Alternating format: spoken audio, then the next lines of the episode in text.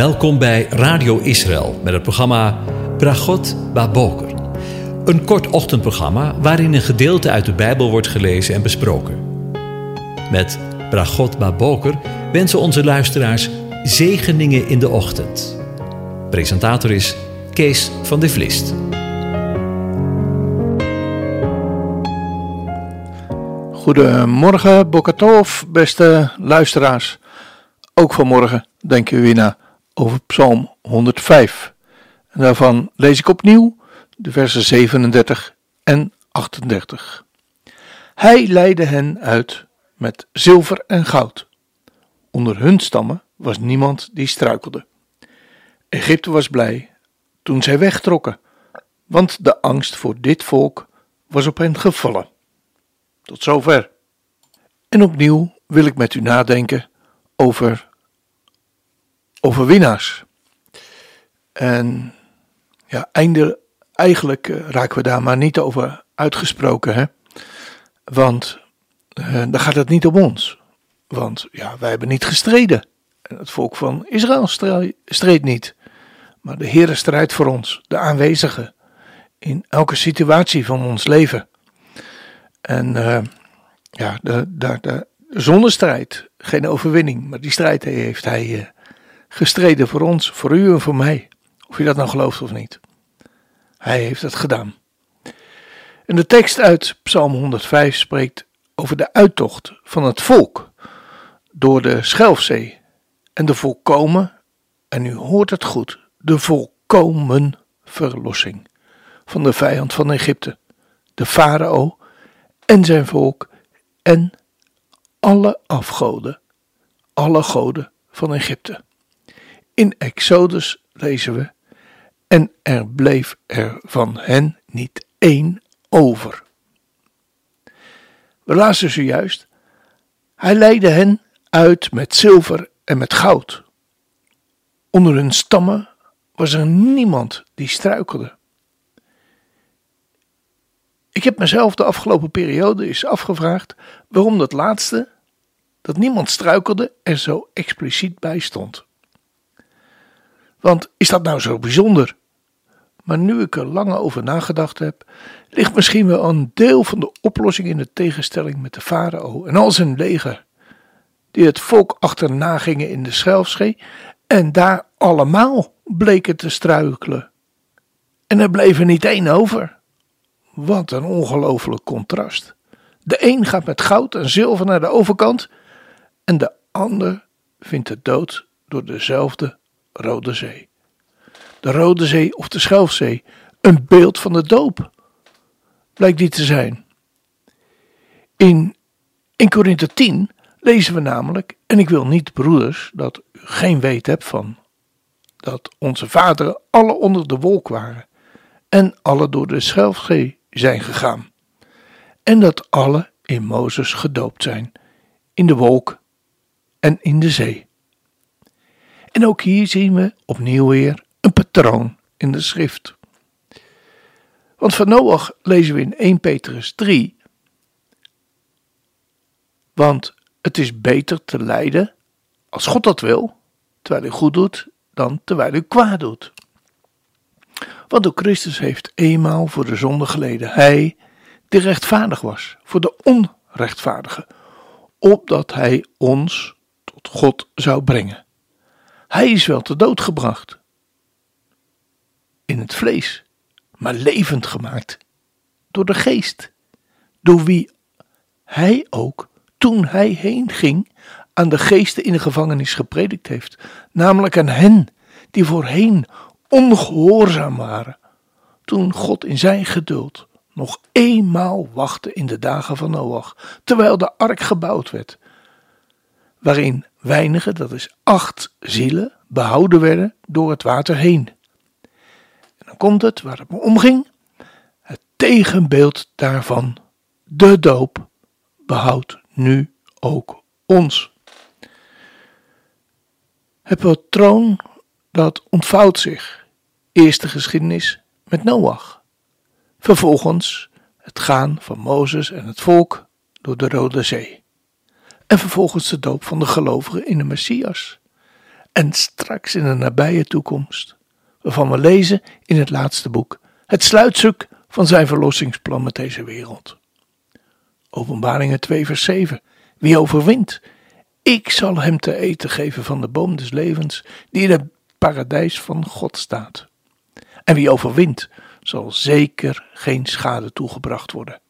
Door de tweede dood lezen we in Openbaringen 2 vers 11. En in Openbaringen 2 vers 17, aan wie overwint, en we hebben het over overwinnaars, zal ik van het verborgen manna te eten geven. En ik zal hem een witte steen geven, met op die steen een nieuwe naam geschreven, die niemand kent dan wie hem ontvangt. In Openbaring 2 vers 26. En wie overwint en wie mijn werken tot het einde toe in acht neemt, zal ik macht geven over de heidevolken. En 3 vers 5.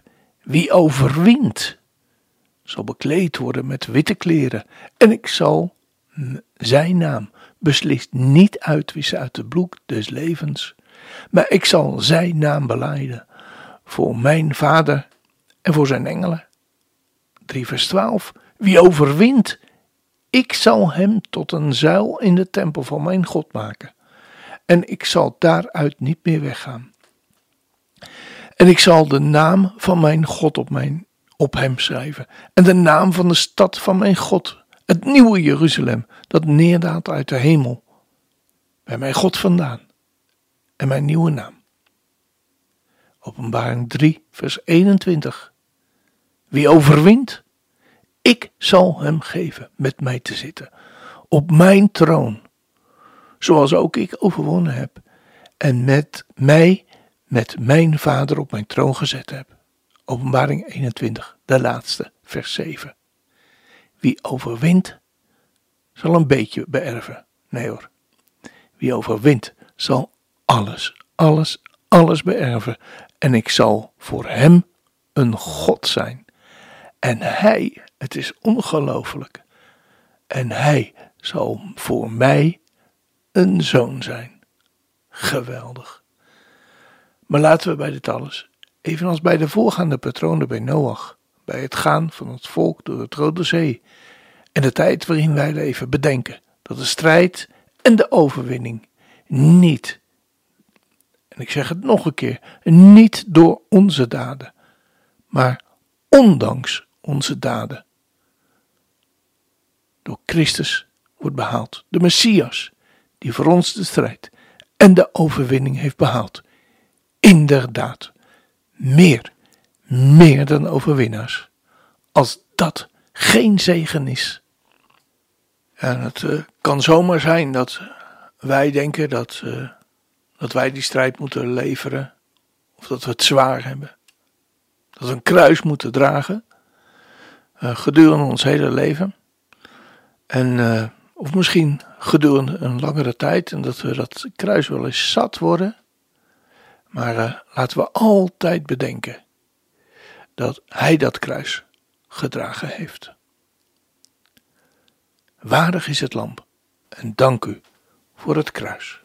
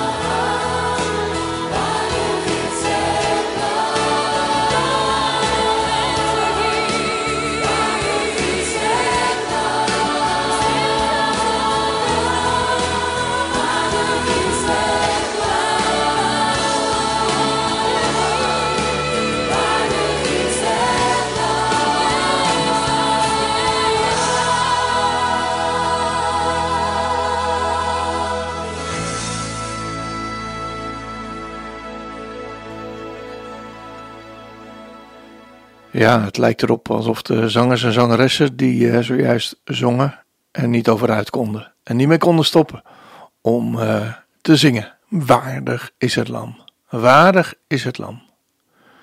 Ja, als we indenken wat dat kruis geweest is voor hem, verlaten van zijn vader.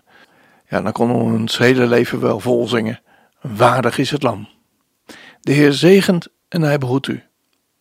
De Heer doet zijn aangezicht over u lichten. De Heer verheft zijn aangezicht over u en geeft u zijn vrede, zijn shalom. Amen.